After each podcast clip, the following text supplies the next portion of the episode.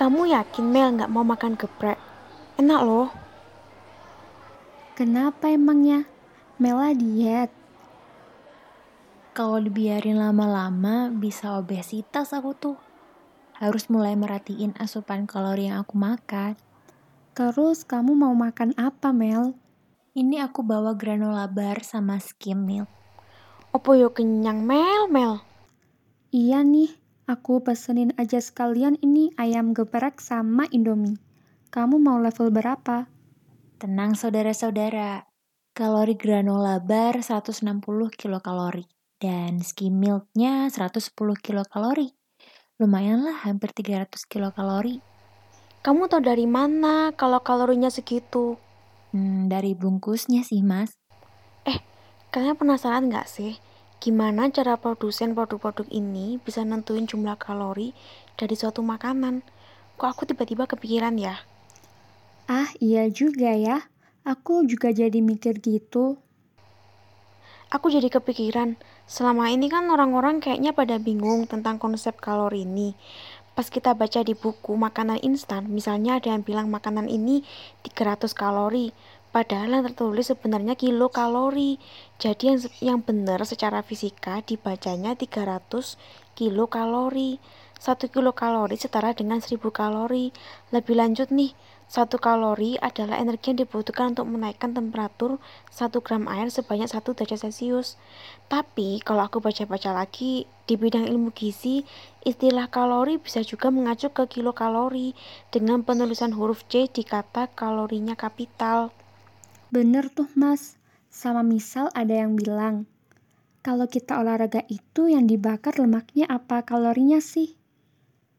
Nah, dengan ada orang yang ngomong gitu, aku jadi sadar kalau komunikasi sains kita masih belum maksimal. Jadi, kalori ini bukanlah sebuah benda.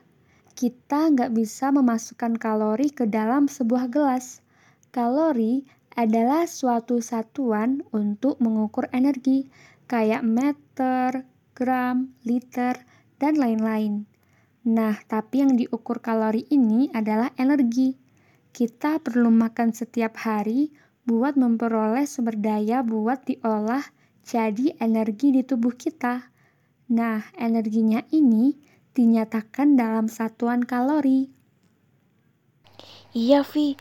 Jadi yang dibakar pas olahraga ya mestinya sumber dayanya, entah lemak, protein, dan lain sebagainya buat menghasilkan energi. Nah, baru energi dari bis energi tadi bisa diukur dengan satuan kalori. Kalau kita mau lebih detail lagi nih, kalori menyatakan energi yang dibutuhkan buat menaikkan temperatur dari 14,5 menjadi 15,5 derajat Celcius. Kenapa spesifik gitu, Vi, temperaturnya? Karena jumlah energi yang dibutuhkan untuk menaikkan 1 derajat Celcius berbeda di temperatur yang berbeda pula. Misalnya nih, energi untuk menaikkan 30 derajat menjadi 31 derajat Celcius berbeda dengan 100 derajat menjadi 101 derajat Celcius.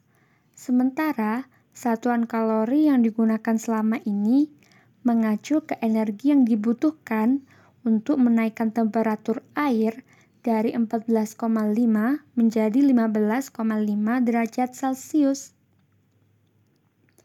Kalau kata kalori sendiri pertama kali dikemukakan oleh kimiawan Prancis bernama Antoine Lavoisier. Oh iya, karena aku lagi diet nih, jadi aku browsing-browsing dikit tentang perkalorian ini. Tadi kan udah kalian singgung tuh tentang kalori. Aku pengen ngasih tahu gimana kita mengukur energi yang dihasilkan dari sebuah makanan. Misalnya, berapa kalori energi yang terkandung dalam sepiring nasi. Gimana produsen susu kemasan tahu kalau satu gelas susu setara dengan 5 butir milk kita. Bisa aja kamu, Mas. Haduh. Maksudnya, kan ada tuh satu kemasan susu setara dengan 200 kilokalori, terus 250 kilokalori, dan sebagainya. Jadi gini, Awalnya, jumlah kalori dari sebuah makanan diukur dengan sebuah alat yang bernama kalorimeter. Prosesnya gini, sejumlah makanan yang akan ditentukan dihilangkan dulu kadar airnya. Kemudian diletakkan ke dalam sebuah wadah tertutup yang dikelilingi air. Wadah tersebut dialiri oksigen, kemudian makanan tadi dibakar. Dari kenaikan temperatur air, bisa dihitung jumlah kalori yang terkandung dalam makanan tadi. Oh gitu. Sekarang juga masih pakai metode itu. Hmm, gini-gini. Dengan menggunakan metode tadi, serat yang terkandung dalam makanan juga ikut dihitung. Padahal serat tersebut nggak bisa diserap ke dalam pembuluh darah, sehingga semestinya nggak diperhitungkan ke dalam kalori makanan. Saat ini, Produsen makanan lebih banyak menggunakan Atwater Indirect System untuk menghitung kalori makanan, yaitu dengan menambahkan kalori yang diperoleh dari protein, karbohidrat, lemak, dan alkohol. Buat karbohidrat nih, karena senyawa ini mempunyai kandungan serat yang nggak dicerna dan digunakan tubuh, kandungan seratnya biasanya dikurangi dari karbohidrat total sebelum menghitung kalori karbohidratnya. Atwater System menggunakan nilai 4 kilokalori per gram protein, 4 kilokalori per gram untuk karbohidrat, 9 kilokalori per gram untuk lemak, dan 7 kilokalori per gram untuk alkohol. Angka-angka ini ditentukan dengan kalorimeter, tapi dari senyawa murninya, gak dari makanan utuh. Jadi seratnya gak ikut kehitung. Sik, sik. Berarti misalkan makanan yang mengandung 10 gram protein dan 20 gram karbohidrat dan 9 gram lemak akan dibaca memiliki 201 kilokalori. Iya, betul. Eh, tapi Mel, gimana kita tahu kalau satu makanan itu mengandung nilai gizi tertentu? Misalnya, gimana kita tahu kalau sepiring nasi mengandung, ini angka aku asal aja ya, misal mengandung 10 gram karbohidrat, 1 gram protein, dan sebagainya. Angkanya itu didapat dari mana? Nah, ini nih, Vi. Aku juga masih perlu baca lebih banyak lagi sih. Yang aku pahami sejauh ini jumlah-jumlah itu udah diteliti sama ilmuwan tertentu. Misalnya 100 gram roti gandum mengandung karbohidrat sekian, protein sekian, dan seterusnya. Terus para produsen bisa mengakses data-data itu. Ah gitu.